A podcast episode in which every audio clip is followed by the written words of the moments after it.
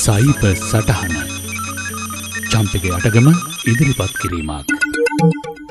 මීට සති දෙකතුනකට පමණ කලින් සිඩ්නි නුවර එපින් ප්‍රදේශයේ නිවසකට නිව සෞත්වේල්ස් පොලිසිය කඩා පැන්නේ වයස විසි තුනක කාන්තාවක් හදඩංගුවට ගන්න.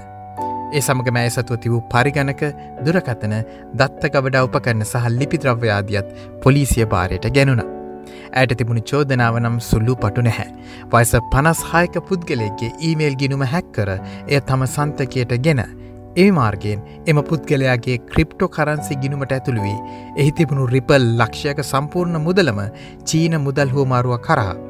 බිට්කොයින් ක්‍රිප් කරන්සි ලෙස සොරා ගැනීම. මෙම හුවමාරු ක්‍රිප්ටෝ මුදල් එක ගන්නේ ව්‍යවහාර වටනාකම ඔස්ට්‍රේලයානු ඩොලර් හාරලක්ෂ පනස්දාක්. පොලිසිය මෙම සොරකම කළ තරුණිය සොයා මාස නමයක් පරීක්ෂණ කටයුතු සිදු කලා. මේ සිදුවීම අද මොම් මතක් කළ විශෂකාරණා දෙකට. පළමුකාරණය ඔබගේ ඊමේල් ගිනු ආරක්ෂා කර ගැනීමේ වැදගත්කම. ඔබ ගැන අතේ විශාල තොරතුරු ප්‍රමාණයක් ඔබගේ ඊමේල් ගිනිම අන්තර්ගතයි. ඔබගේ ඩිජිටල් අයිඩෙන්ටිටිය එක කේන්ද්‍රස්ථානයයි. ඔබ භාවිතා කරන වෙනත් අන්තර්ජාල සේවාවක පාස්වඩ් එක වෙනස් කරත් එය එන්නෙත් ඔබේ ඊමේල් ගිනුමට. ඊමේල් ගිනුම ආරක්ෂා කර ගැනීම වෙනුවෙන් ඉතා පහසු ක්‍රම කිහිපයක් තියෙනවා. ඉන් ප්‍රධාන කිහිපයක් සඳහන් කරන්නම්. ඔබේ ගැන දැනුවත්ද එලෙසි නාරක්ෂිද්ද කියලා ඔබම තීරණය කරන්න. ඔබේ ඊමේල් ගිනුම සහ වෙනත් ෆේස්බුක් වැනි ගිනුම් 2ෆක්ට ඔතෙන්ටිකේෂන් වලින් ආරක්ෂා කරගන්න මූලිකෝ.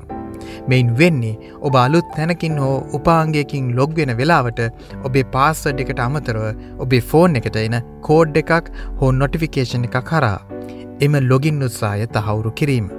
අපි මේකට කිනො ලොගින් ඇටෙම්ට් වැලිඩේෂන් කියලා. ඉතින් ඔබේ පාසඩ් එක වෙන කෙනෙක් අතර ගියත් ඔබ ගිනිමට ඔවුන්ට ලොග්වෙන්න බැහැ ඔබේ ෆෝන් එක ඔවුන් සන්තකේ නැති නිසා. මිට අමතරව අපි කවද සඳහන් කරනවාගේ ආරක්ෂිතව පාස්වඩ් කළමනාකරණය කරගන්න පාස්වඩ් මැනේජ එකක් භාවිතා කිරීම සහ සැක සහිත ස්කෑම් ඊමේල් වලට කලික් කිරීම වැනි ප්‍රතිචාර දැක්වීමෙන් වැලකි සිටීම ඉතා වැදගත්. මේ සිදුව මහා බැඳුණු අනෙක් කාරණය තමා බිට්කොයින් වැනි ක්‍රිප්ටෝ කරන්සි ගැන සමාජය තියෙන අඩු දැනුවත් භාවය. අනේ අපි නම් මේ ක්‍රිප්ටෝ කරන්සි භාවිතයක් නැති නිසා අපිටීන් බලපෑමක් නැහැනි කියල සමහරිට ඔබ දැන් හිතනවා ඇති. නමුත් ඔබ දන්නවද.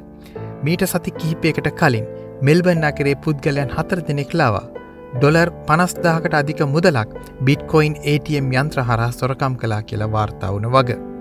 ඔවුන් බිට්කොයින් යනු කුමක්තවත් නොදන්නා ඩැන්ඩොනොන් ප්‍රදර්ශයට මෑතකදී පැමිණි අහිංසක සංක්‍රමණිකයින්. රජයේ නිලධාරින් විදියට පෙනී සිටි සොරුන් ඊමෙල් හරහා හෝ දුරකතන හරහා ඔවුන්ට පවසා සිටියේ රජයට ගෙවියයුතු විශාල ණය ප්‍රමාණය ඉතා ඉක්මනින් ගෙව්වේ නැතිනම් ඔවුන්ට එරේව දැඩිව නීතිය ක්‍රියාත්ම කරන වග. මින් තැතිගත් සංක්‍රමණිකයන් ඉතා ඉක්මනින් ඔවුන්ගේ උපදෙස් පරිදි තමන්ගේ මුදල් විශාල ප්‍රමාණයක් බිට්කොයින් හරහා සොරුන්ට යවත් තිබෙනවා ATM යන්ත්‍ර යොදාගෙන. ඔබ දන්නවා බිට්කොයින් කියන්නේ නිර්නාමික මුදල් ඒකකයක්. එහි මුදල් ලැබෙන්න්නස් හොයාගන්න බැහැ. එනිසයි මේ ක්‍රමය මුදල් සෝරා ගැනීම ඉතාමත්ම සුලබ. ඔස්ට්‍රේලියනු රජ්‍ය වර්තාවලට අනුව වසරකට ඩොලර් මිලියන දෙක පමණ ක්‍රිප්ටෝ කරන්සි ආශ්‍රිත සොරා ගැනීම වාර්තා වෙනවා. එනිසා ඔබ මේ ගැන දැනුවත් වෙන ඉතා වැදගත්. රජයෙන් බැංකුවෙන් හෝ වෙනත් පාලනාධිකාරයකින් ඔබ හදිසි කරවා හෝ තැතිගන්වා ඊමේල් එක්කට ප්‍රච්චාර දැක්වීම යම් වෙඩ් බඩවියක් වෙතට යාමට හෝ. හදිසි මුදල් තැම්පතුවකට ඔබ යොමු කරනවා නම් ඊට ප්‍රච්චාර නොදක්වන්න. ඒ ගැන අදාළ ආයතනෙන් කෙලින්ම විමසා සිටින්න. සයිබසොරුන් විවිධ ක්‍රම හරහා කුරුමානම් අල්ලදී අපි ඊට පියවරක් ඉස්සරහින් නොසිටියොත් අපි අනතුරේ. අදත් ඔබට සයිපසටහන ගෙනා මම චම්පිකයටකම්.